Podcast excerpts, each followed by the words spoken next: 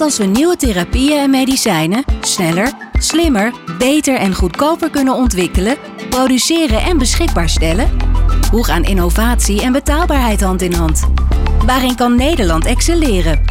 FAST is het Center for Future Affordable Sustainable Therapy Development. En in deze podcast hoor je onderzoekers, regelgevende instanties, patiëntenvertegenwoordigers en ondernemers die betrokken zijn bij het proces van innovatieve therapieontwikkeling. Over hun inspiratie, kennis, nieuw beleid en praktische inzichten. Bij bestaande geneesmiddelen worden regelmatig nieuwe, positieve effecten gevonden. Een geneesmiddel voor een andere indicatie voorschrijven wordt drug repurposing genoemd.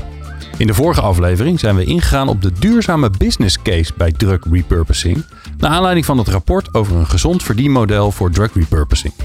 In deze aflevering zoomen we in op drie drug repurposing cases. Wat zijn de kansen en de knelpunten bij deze drie voorbeelden? Ik ben Glenn van den Burg en mijn gasten zijn Astrid Schut. Ze is directeur Vereniging Werkgroep Cardiologische Centra Nederland. Frans-Jozef Signorgo, hij is zorgondernemer. En Vincent van der Wel, business developer Pharmaceutical Partnerships bij Medicijnen voor de Maatschappij. En directeur van Orphenix. Samen sneller, slimmer, beter en goedkoper therapieën ontwikkelen. Vast. Fijn dat je er allemaal zijn. Ja, we hebben drie prachtige cases die we kunnen gaan bespreken met alle voordelen, voetangels, eh, klemmen, uh, uh, kansen, uitdagingen die er zijn. En ehm, ja, die gaan we alle drie even, even langs, zodat iedereen een beeld heeft van, van wat er speelt. Uh, Astrid, we beginnen bij jou. Colchicine gaan we het over hebben. Een geneesmiddel tegen jicht. Ik heb begrepen dat het al ongelooflijk lang bestaat.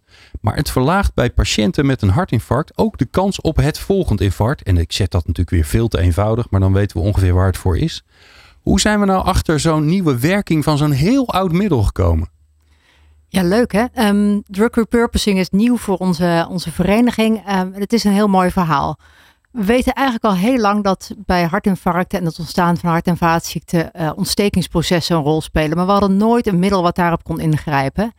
Colchicine is al heel oud, um, wordt gegeven bij jicht. Dat is ook een ontstekingsproces. Ook bij uh, mediterrane koorts en een hele lijst aan oude, uh, oude indicaties. En een collega cardioloog uit Australië heeft in 2012 laten zien dat het in zijn voorstudie eigenlijk minder hartinfarcten gaf. Oké. Nou, dan moet je het netjes gaan uitzoeken in een echte, nette, placebo-gecontroleerde dubbelblinde studie. Zo doen we dat in, uh, in geneesmiddelen. Hij was ermee begonnen, dat wisten wij niet. En wij waren binnen onze vereniging begonnen uh, op basis van een soort prijsvraag, een pitch. We gaan eens kijken, wat is het leukste idee van onze leden? En zijn dit onderzoek gaan opzetten. En een collega uit. Maar jullie wisten van elkaar niet dat je bezig was? Nee, hè? Grappig. Nee. Ja. Nee, en ik zie me nog in Canada bij een uh, andere collega, uh, hoogleraar met wie wij een leuk onderzoek deden. En die hoorde mij dat zeggen en die zei, wacht maar eens, morgen praat ik met je. Nou, die heeft matchmaking gedaan. Um, we zijn aan elkaar gekoppeld, Australië, Nederland en Canada. En um, zijn begonnen.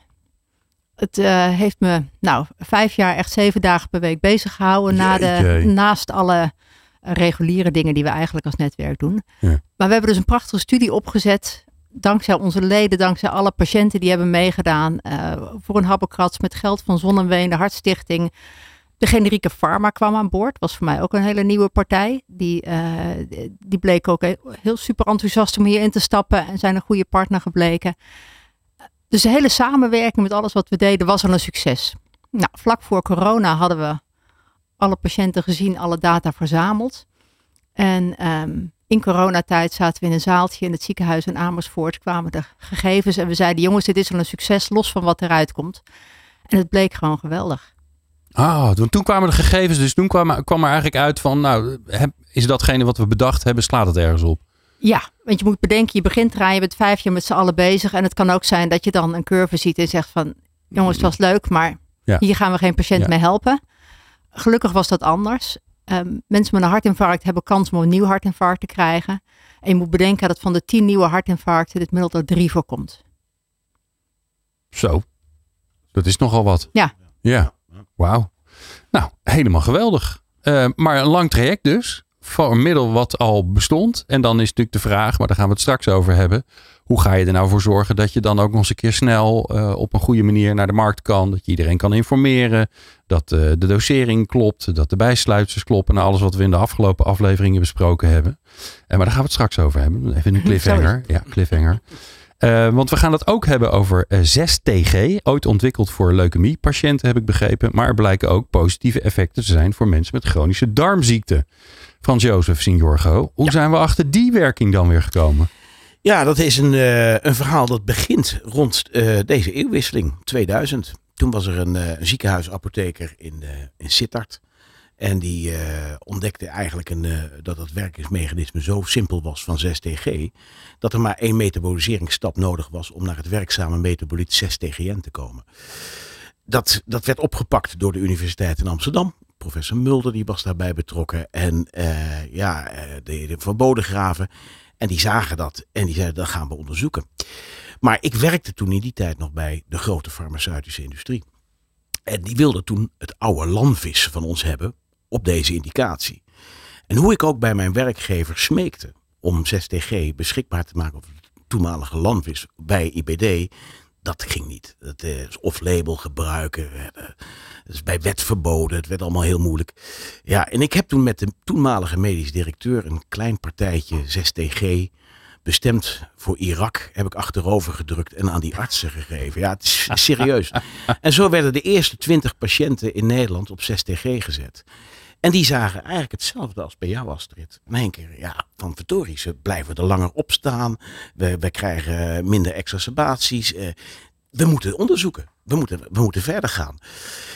Ik heb het toen losgelaten, vanaf dat was in 2003 ongeveer. En alleen vanwege de hele simpele wetenschap die we hadden, dat er maar één metaboliseringsstap nodig was om tot het werkzame betabolie te komen. En alle andere beschikbare thiopurines die werden voorgeschreven bij IBD, die hadden er 10 of 12 nodig. En die waren verantwoordelijk voor die bijwerkingen, waardoor patiënten moesten stoppen, hmm. op de operatietafel kwamen te liggen en de ellende van vooraf aan begon.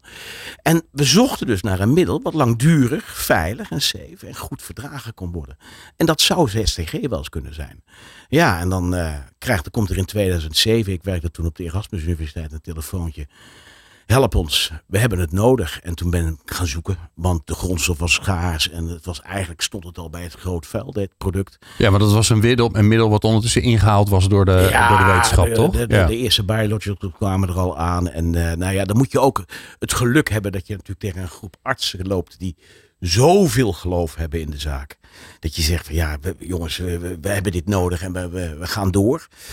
En uh, die, die had ik gewoon. En ik ben er vanaf 2007, 2008 vol voor gegaan. En dat heeft dan geleid in 2016, hè, dus dan ben je toch acht jaar verder, tot de conditional approval. Het wordt dus al gezegd in de vorige podcast. Voor 6TG. En ja, nu staan er denk ik in Nederland een, een 8.000, 9.000 patiënten, denk ik zo'n beetje op het uh, middel. Oh, wow. Met groot succes. Maar ik zeg, en ik hoop dat we daar nog verder in de podcast. We zijn pas aan het begin. Ja, nee, Ondanks nee. dat je twintig jaar bezig bent, zijn we pas aan het Nee, nee, nee, daar gaan we het zeker over hebben. Daar gaan we het zeker Ja. over hebben. Ja, ja. Mijn, een van de gevoelens die ik nu al heb, is dat ik denk, ja, uh, in de vorige aflevering hadden we het ook over een van, hè, een van de, de, uh, de beloften eigenlijk die uh, drug repurposing heeft, dat je veel sneller uh, naar de patiënt toe Ja. kan.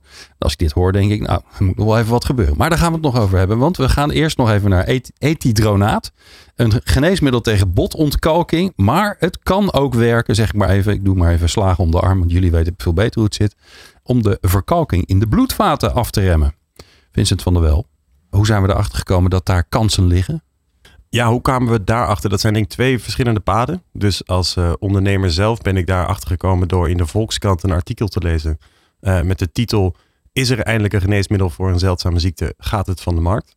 Die arts. Echt waar, joh? Dat ja. is gewoon een artikel in de openbare kennis in de Volkskrant. Oké. Okay. Ja, ik wil hem uh, prima als link onderaan deze podcast toevoegen. Dat artikel dat is nog steeds uh, op de website van Volkskrant te vinden. En daarin werd um, uh, Wilco Spiering onder andere geïnterviewd, maar ook uh, een voorzitter van de patiëntenvereniging van PXE, de ziekte waar we het over hebben, pseudoxanthoma elasticum. En het bleek dat daar um, in Utrecht inmiddels een, um, een double-blinded randomly controlled trial was uitgevoerd met 74 patiënten, wat best veel is in deze hele zeldzame patiëntengroep. We hebben het echt over in Nederland inmiddels een cohort van bekend 450 patiënten, dus echt heel zeldzaam. En uit dat onderzoek bleek dat ehm, dit hele oude middel voor botontkalking uh, toen nog beschikbaar in Europa inderdaad het progressie van die opbouw van die kalk in de vaten bij deze patiënten kon stilleggen. En als je de placebo's gaf, dat dat niet gebeurde. Dus eigenlijk een goed moment om te denken, nou, we hebben in ieder geval iets gevonden wat de ziekte kan stoppen. Hè? Dus we lossen het niet op, maar we kunnen in ieder geval die progressie van die ziekte kunnen we stoppen. Ja. Maar het probleem waar de arts tegenaan liep was dat hij kon het bij het begin van de studie al niet meer in Nederland kopen. Het was al zo oud. Er zijn inmiddels middelen bij osteoporose die werken factor duizend, tienduizend keer zo goed op het ding wat ze moeten doen. Hè, dat effect in het bot. Maar hij heeft juist had een middel nodig dat niet in dat bot te actief was, maar juist in die vaatkalk um, zijn gang ging. En overal waar die calcificaties niet hoorden te zitten. Dus hij had het gekocht in Griekenland. En ook die Griek had inmiddels besloten, ik kan hier geen geld mee verdienen, dit haal ik van de markt. Dus ook ere wie ere toekomt. Ik heb toen samen met een andere marktpartij, Tigo Pharma, die hebben gezegd, wij kopen de allerlaatste batch in Europa op die er nog bestaat. En we gaan in ieder geval zorgen dat de patiënten in de studie toegang kunnen krijgen als zij dat willen, via de magistrale route. En wij hebben gezegd, ja, daar gaan we op zoek naar een nieuwe leverancier die die grondstof überhaupt weer wil gaan maken. En dan gaan we daar meer onderzoek mee doen om te bewijzen dat het eh, wel of niet echt een goed middel is voor deze ziekte. Wauw. Ja, als ik, als ik als leek, maar dat eh, kan ik niet vaak genoeg uh, benadrukken. Als ik deze verhalen hoor, dan denk ik, nou, dat, dit zijn allemaal voorzetten voor open, open goal. Het enige wat je hoeft te doen is er, nou, het enige. Dat blijkt dus heel, heel lang te duren. Maar je moet er tegenaan lopen. Het middel is er al. Je moet zorgen dat het geproduceerd blijft natuurlijk. Maar je, je moet bewijzen dat het echt zo is. Nou ja, dat hebben jullie allemaal ondertussen of al gedaan of je bent er bijna. Wat maakt het dan toch zo ongelooflijk ingewikkeld om, om dat voor elkaar te krijgen? Ja. Astrid, wil jij als eerste? ja, er is wel een wereld voor me open gegaan. Um, wij waren heel blij met die grafieken. Daar waren we blijven hangen. Dat mooie resultaat. Dan ga je een mooi artikel schrijven met een, een team. En super trots dat ik daarop mag staan. En denk je, nou kijk eens, daar hebben we het. Maar daar doen we het natuurlijk niet voor. Want het moet bij die patiënt komen. Uh, mijn vereniging zijn dokters, uh, onderzoek, zorg, hand in hand. En die dokters die zijn de hele dag gewend, als ik over dit onderwerp nadenk, hè, om risico's af te wegen. Als we in de gezondheidszorg risico's gingen mijden, werd er geen patiënt meer geopereerd. Want stel dat je doodgaat aan de narcose. Ja. Niemand krijgt meer een pil, want oh, misschien krijg je wel een bijwerking. Gek genoeg is het hele regelstelsel uh, helemaal ingericht om, zorg, om, om risico's te vermijden. We zijn helemaal, we hebben allemaal regels bedacht dat er maar niks misgaat. Um, dat er maar niemand te veel geld kan verdienen of dat er maar niemand uh, misbruik kan maken van regels. Dus als je met dit middel komt en je hebt het resultaat, ja, dan ligt daar een pakket aan eisen en aan hoepels om door te springen en aan kosten die daarbij komen. Ja. Om gewoon een registratie te krijgen. En zelfs als je dan de registratie hebt, want nou, dan ben je nog bereid hè, met elkaar dat te doen, dan is het systeem zo gebouwd dat je er geen cent aan mag verdienen. Dus er zit, de, ene kant is de bescherming van, van de data, van de uitvinder, uh, van de, het vernieuwende concept. Het andere is een businessmodel om de mensen die het geld ophoesten om dit soort investeringen met risico te doen, ja, dat die het ook weer netjes terug mogen verdienen en dat het niet naar de eerste de beste uh, concurrent gaat. En daar zit. Maar ik hoor jullie eigenlijk zeggen, er zijn eigenlijk twee opties. Je bedenkt iets nieuws. Daar moet je heel veel tijd en energie in stoppen. Daar zijn farmaceuten op gebouwd om dat soort risico's te, te nemen. Hè? En, en als ja, de, de verdiensten, als ze achter iets komen wat goed werkt, zijn dan ook flink, om maar even netjes te zeggen. Maar het risico dat het niet lukt, is ook aanwezig. En, en daardoor uh, kunnen ze blijven bestaan. Het andere optie is, iets is uh, uit het patent gelopen en is ondertussen zo oud en er is genoeg geld aan verdiend dat je het of bij de drogist kan halen of dat het inderdaad nou ja, door iedereen geproduceerd mag worden. En dit zit er eigenlijk tussenin en daar is niks voor. En wij, wij lopen vast, zoals ik dat noem, dat wij inmiddels meesters in dit land zijn geworden om beton onder water tegen brand te verzekeren. En dat is uitermate effectief. Je hoeft nooit uit te keren, maar het, het, het remt een beetje. En, uh, en ik heb de mazzel gehad, en, en, en, dat is echt mijn geluk geweest, dat ik in die beginfase, dus nog voor 2010, tegen een aantal mensen ben aangelopen binnen het college die hun nek uitstaken. En echt het, het lef hadden van ja jongens, we moeten hier iets voor bedenken. Want ja, dat off-label gebruik, ook de, de, de, de schaarste van geneesmiddelen die we op dit moment hebben. Het is allemaal in de eerdere post, podcast ook besproken. We, we moeten een antwoord vinden. En dan maar is het, het off-label gebruik is natuurlijk geen optie als het gewoon voor de, als de producenten ermee gaan stoppen. Want dan, is, dan is het middel weg. Ja. Hè, want dat, dat, dat, daar hadden we het nog Dat helemaal niet beseft. Ja, ja, dat is weg. Want zolang En- er een en- en- andere en- werking is, is het prima. Maar als die werking ingehaald is door betere middelen, dan, ja, dan Ja. is er ook voor de productie überhaupt geen business case. Nee, nee, Nee. En wil jij de patiënten optimaal blijven behandelen, dan ga ik toch weer op de, op de schoot van Astrid zitten. Dan is een arts altijd bezig op zoek naar, naar het beste middel voor zijn of haar patiënt. En eh, ja, dan, dan moet een registratie is dan een basisvoorwaarde. En dan verdient, en zeker in mijn ogen is, is colchicine, wat ik er vanaf weet, Astrid, ook een gamechanger in het hele hartfalen. Eh, dat is mijn 6TG ook een beetje. Ja, weliswaar in bescheiden zin. We zouden ook niet meer zonder de nieuwere middelen kunnen. Maar ik weet wel, het is voor mij nog iedere keer fantastisch om te weten dat er 10.000 mensen in Nederland gelukkig mee zijn. Of hè, Ja. 8.000, 9.000, maar in ieder geval een fix aantal. En dat, dat, dat, dat houdt mij gaande. Maar als dan ik kan ga ik- kijken naar de omgeving waarin ik mijn werk moet doen, hmm, hmm, zijn er wat demotivatoren. Ja.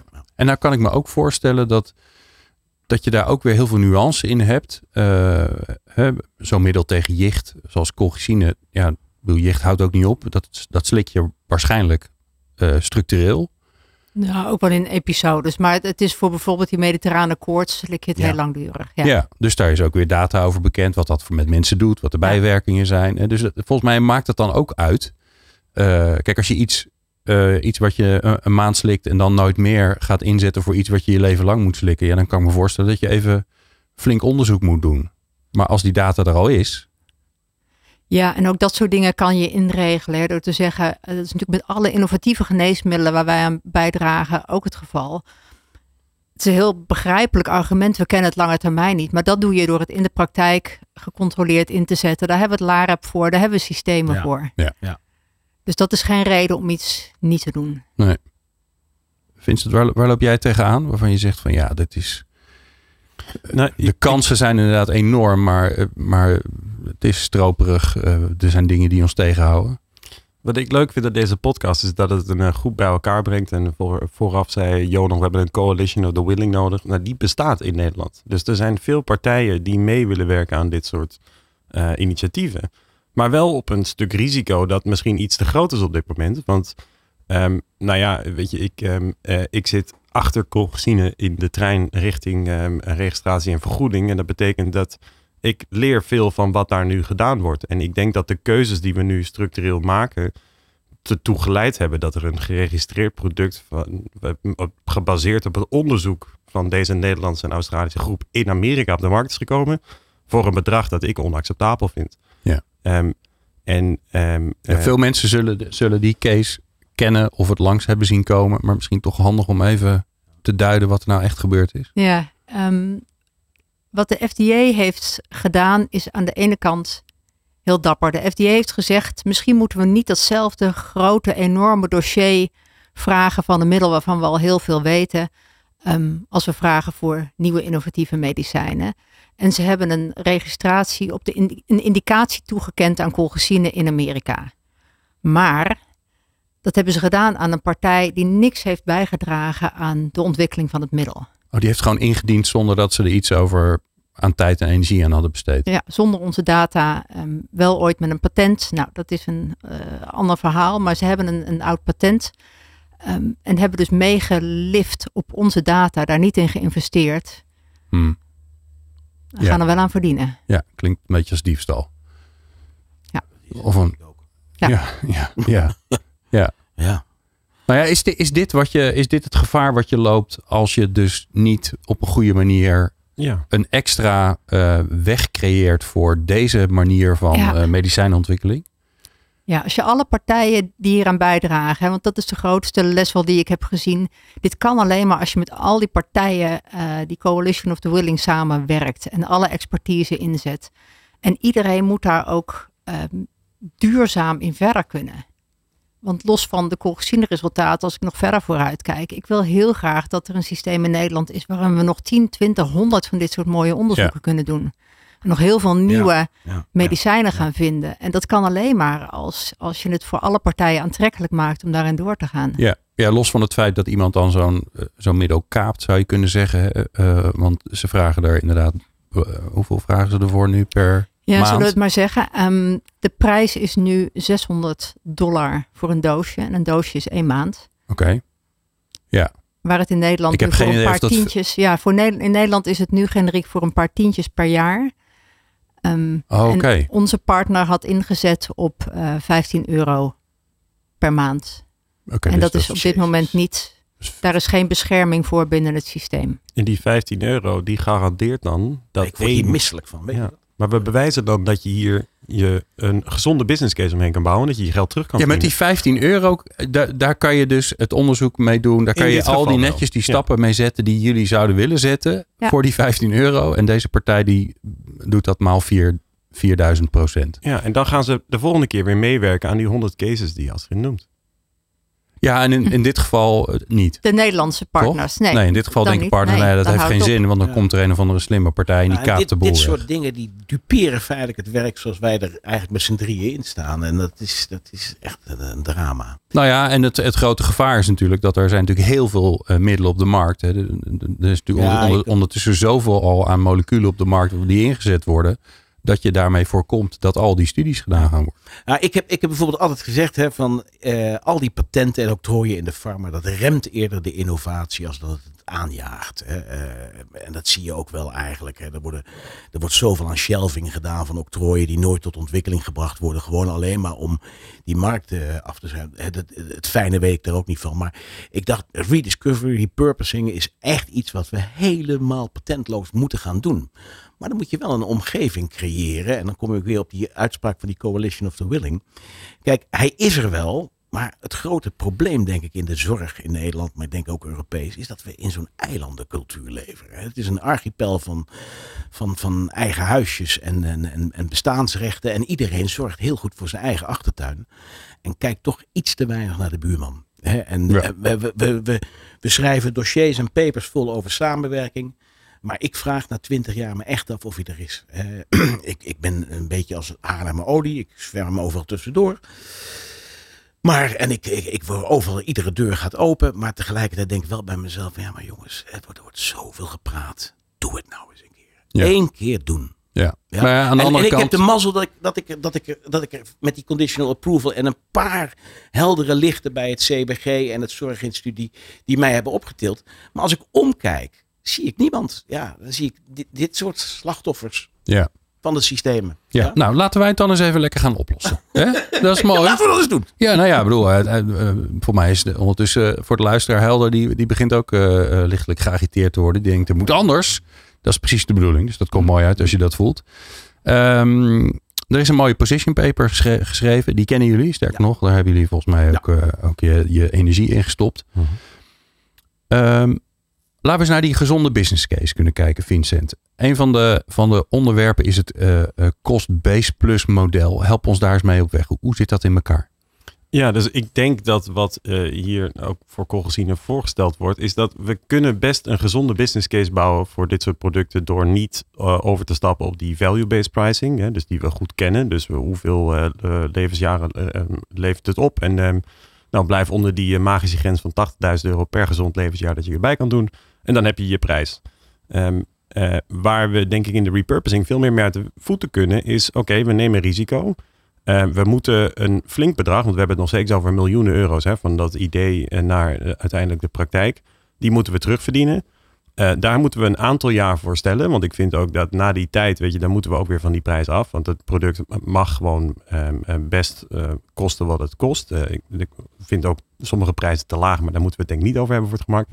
Ehm, en eh, dat is dan best uit te rekenen. En ik weet ook dat de farmaceuten waar ik mee werk, die, die hierin geïnteresseerd zijn, wat voornamelijk ehm, eh, die bedrijven zijn in, in, of in een kleine groep van mensen in handen, of familiebedrijven, of een combinatie daarvan, die zijn best bereid om, om gewoon eh, wat transparanter te zijn over wat ze geïnvesteerd hebben in de hele route. En ik weet zeker dat als we ze uitdagen om die 15 euro te verklaren, dat ze daar best toe bereid zijn. Om te zeggen, van, nou ja, Zeker. in dit geval bij. Colgesine Ja. hebben we zoveel geld uitgegeven. Ja. We hebben zoveel risico gelopen. Want we moeten ook wel corrigeren. Er gaan er een paar niet lukken. Ja. Eh, misschien wel meer dan eh, niet dan wel. Maar dan, als we dat, die bedrijven op die manier overeind kunnen houden en ze op die manier gewoon in de lucht kunnen houden en daarmee ook geld verdienen om dat vervolgonderzoek gewoon te financieren, Ja. dan heb je denk ik met een cost-based plus model voor dit soort producten een hele goede manier gevonden. om Ja. En dan blijf je ervoor kiezen hè, in dat model dat je zegt het initiatief, het risico ligt dan bij die partijen om samen daarmee aan de slag te gaan. En daar is een, is een regeling, we spreken met elkaar af dat die cost, eh, cost-based plus manier, hoe dat in elkaar zit. En dan weet je waar je aan toe bent. Ja, en ik denk dat ook dit een goed voorbeeld is waar ik een groot voorstander ben. Is dat als we willen als academie dat die geneesmiddelen ehm, ehm, voor een sociaal-maatschappelijke verantwoorde prijs op de markt komen, dat je ook risicodeling neemt. Hè? Dus dat je actief betrokken bent als onderzoeker in dat hele onderzoek. Dat je ook niet naar elkaar de hoogste eh, rekeningen stuurt voor dat onderzoek, bijvoorbeeld richting de farmaceut, maar dat je het samen doet. Dat je Ja. samen opdringt, samen echt onderdeel bent van En samen je- risico loopt dan ja, dus ook. dus risicodeling verlaagt uiteindelijk ook de kosten. Nou, dat is een manier. Je zou ook kunnen zeggen, we leggen wat, wat meer risico, initieel risico bij de overheid. Eh als dit, daar is ook een model voor, hè, om een soort van duurzame financiering te organiseren. Wat, ja, wat zichzelf eigenlijk gaat bedruipen. Hè. Dan, dan, ja, dan zeg je, de business case is er, dus waarom zouden we daar niet een fonds voor opzetten? Hoe ziet dat eruit? Als ik zelf kijk naar eh, de, rol van de overheid, ik wil hem een beetje anders, eh, anders aanvliegen. Vincent zei het al, hè, dit soort investeringen hebben een groot risico. Het, kan maar zo zijn dat de eerste vijf, zes onderzoeken niks laten zien eh, voordat je een keer beet hebt.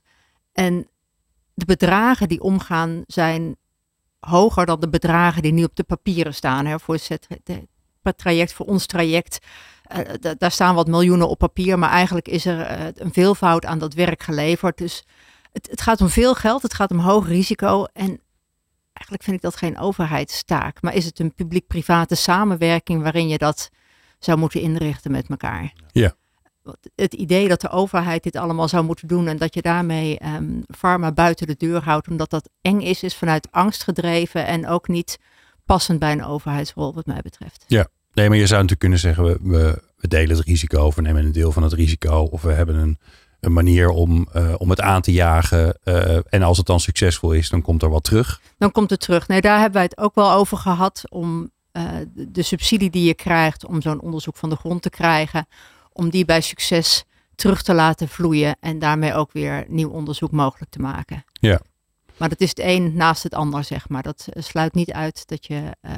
Oké, die zou je prima Vincent. kunnen combineren. Ja, ja. Oké. Frans Jozef, Ja. je had het er net al even over. Hè? Samenwerking, eh, we willen allemaal dezelfde kant op. Maar ja, toch eh, is de vraag in hoeverre dat lukt. Hoe, hoe zou je er- ervoor kunnen zorgen dat die samenwerking wat, wat steviger wordt? Nou, ik, ik denk dat. eh, en het, ik, ik ben absoluut geen slijmbal van huis uit. Maar ik denk dat het initiatief van Fast natuurlijk eh, voor ons is een, is een lifeline die we nooit mogen loslaten. Dat, daar begint het mee. Het, het feit dat, dat dit initiatief er is en dat we met z'n allen gaan nadenken, dat die coalition of the willing zeg maar ontstaat. Dat is gewoon echt misschien wel eh, het allerbelangrijkste. Dus laten we dat in ieder geval koesteren dat we dat hebben.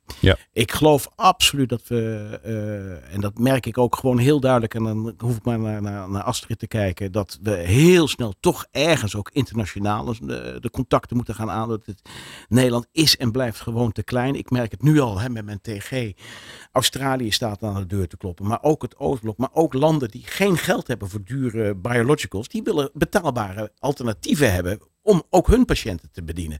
Dat kunnen wij nou niet aan. Dus we moeten ook die brug slaan naar Europa. En, en dan zie je gewoon inderdaad, ja, toch een klein beetje dat die grenzen weer, die eilandencultuur waar ik net over sprak, ja, is de grootste ellende. Ja. Ja, en dat kan ik als kleine ondernemer natuurlijk niet oplossen. Ik merk wel hè, dat als ik op een gegeven moment binnen mijn partner eh, kijk, zo'n bedrijf, dat is echt geen klein bedrijf.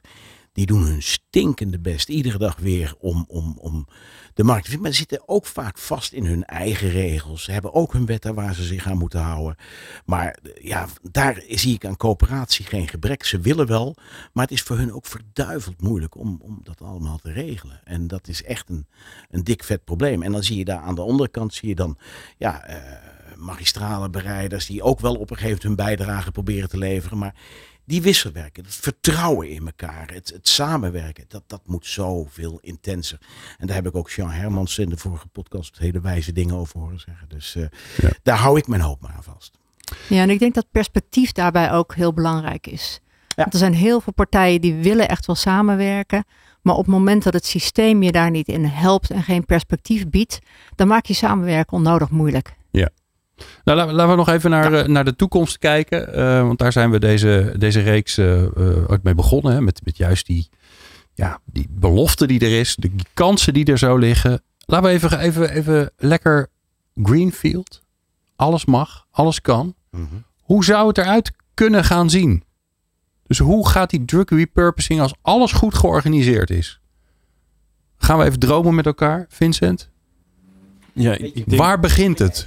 Ik denk dat het een saai antwoord is, want ik denk dat, dat de bouwblokken er juist nu al liggen. Okay. En uh, ik denk trouwens ook, joh, je, uh, die, die Europese coalitie die bestaat, die heet Remedy for All. Die, uh, die is onlangs opgericht, dus Europees gefinancierde groep. Onlangs opgericht, maar hebben nog een lange weg te gaan. Ja, hè? Ik maar, ben ook twintig jaar bezig. Ja, nou, ja, ik hoop dat we het binnen de volgende twintig jaar allemaal opgelost hebben. Maar de, de Europese um, Unie is bezig met een nieuwe geneesmiddelenwet. Daarin is verankerd dat er een mogelijkheid, althans, daar is een voorstel om repurposing in ieder geval op data iets meer beveiliging, te, bescherming te geven voor een tijd lang. Ik denk dat dat iets is wat we moeten willen. Oké, okay, dat is uh, eigenlijk, dat zou uh, in het geval van uh, ja. Colchicine in Astrid het geval zou zijn van nou die, die data die is dan beschermd en dan mag niet iemand anders zeggen, oh nou kijk zie je, daar is het allemaal goed gegaan. Ja, maar het is te makkelijk om te denken dat we het daar dan mee in al die lidstaten opgelost hebben. Want de, de, elke lidstaat is verantwoordelijk voor zijn eigen vergoeding. En we moeten in Europa een ander vergoedingsstelsel. En ik vind het voorstel dat je Volgens mij uh, noemde Hans uh, uh, vorige podcast zes jaar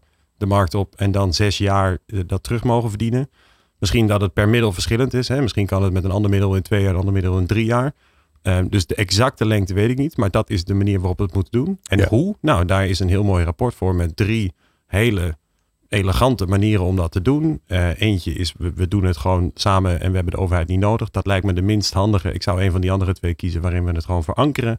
En gewoon opschrijven dat als je zoiets doet en je doet dat netjes en je doet dat voor een maatschappelijk verantwoorde prijs, dan krijg je gewoon die bescherming en dan schrijven we dat middel gewoon voor met de juiste bijsluiter. Ja, mooi. Astrid, de glimmende mooie ja. toekomst waar alle ja. problemen opgelost zijn. Heerlijk. Nou, op zich weinig aan toe te voegen, want ik denk inderdaad dat dat het, uh, het, het wat saaie um, antwoord is. Maar gaan, denk... gaan dan, krijgen we dan veel meer initiatieven? Want dat is wat ja. we willen, toch? Ja, wat, wat ik zou hopen is dat we in Nederland daar een voorbeeldland voor willen zijn. En want we zijn klein, er is heel grote bereidheid te samenwerken in Nederland. We komen elkaar overal tegen, we kennen elkaar. Dus Nederland is een land waar samenwerken super goed gaat. En ook met de innovatieve pharma zijn we bezig om te kijken hoe kunnen we Nederland een heel aantrekkelijk ecosysteem maken voor onderzoek, ja. voor klinisch onderzoek, voor geneesmiddelenontwikkeling. We hebben de EMA in het land. We zijn uh, dus in die hoek al heel goed met elkaar aan het praten. Daar is ook een prachtige benchmark over verschenen. Er zijn ook hele mooie ontwikkelingen.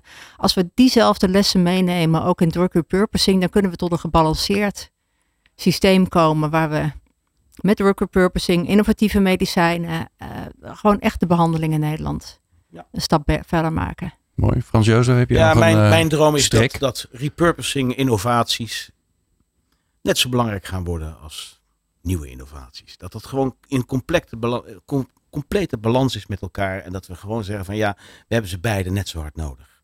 En ik geloof dat het ook haalbaar is, dat het zo is. Ik denk dat wij veel meer kunnen met die oude schat aan moleculen. Uh, het is, oude wetenschap is vaak heel goede wetenschap. Ja, Hè? mooi. Ik dank jullie zeer. Uh, ik vond het uh, prachtig verhelderend. Uh, drie mooie, mooie cases om over te hebben. En dan we hebben ook nog een oplossingsrichting. Richting, nou ja, het enige wat we nog, nu nog hoeven te doen is het te doen. Dus ja, het is eigenlijk heel simpel.